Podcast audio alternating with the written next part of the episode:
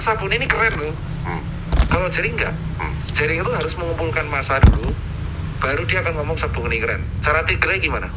Sabun lain sampah. Ngumpul dong nggak terima dong anjing ini ini ini baru dia ngomong sorry itu teroris sublim gue bilang sabun ini keren.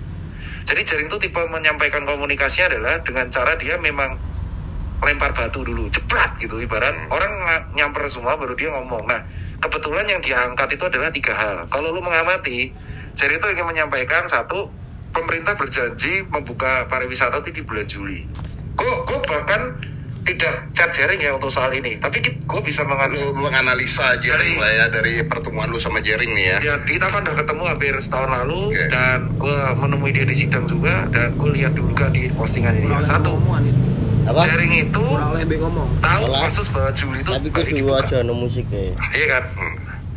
Jaring itu concern di satu hal. Semua orang yang dia sikat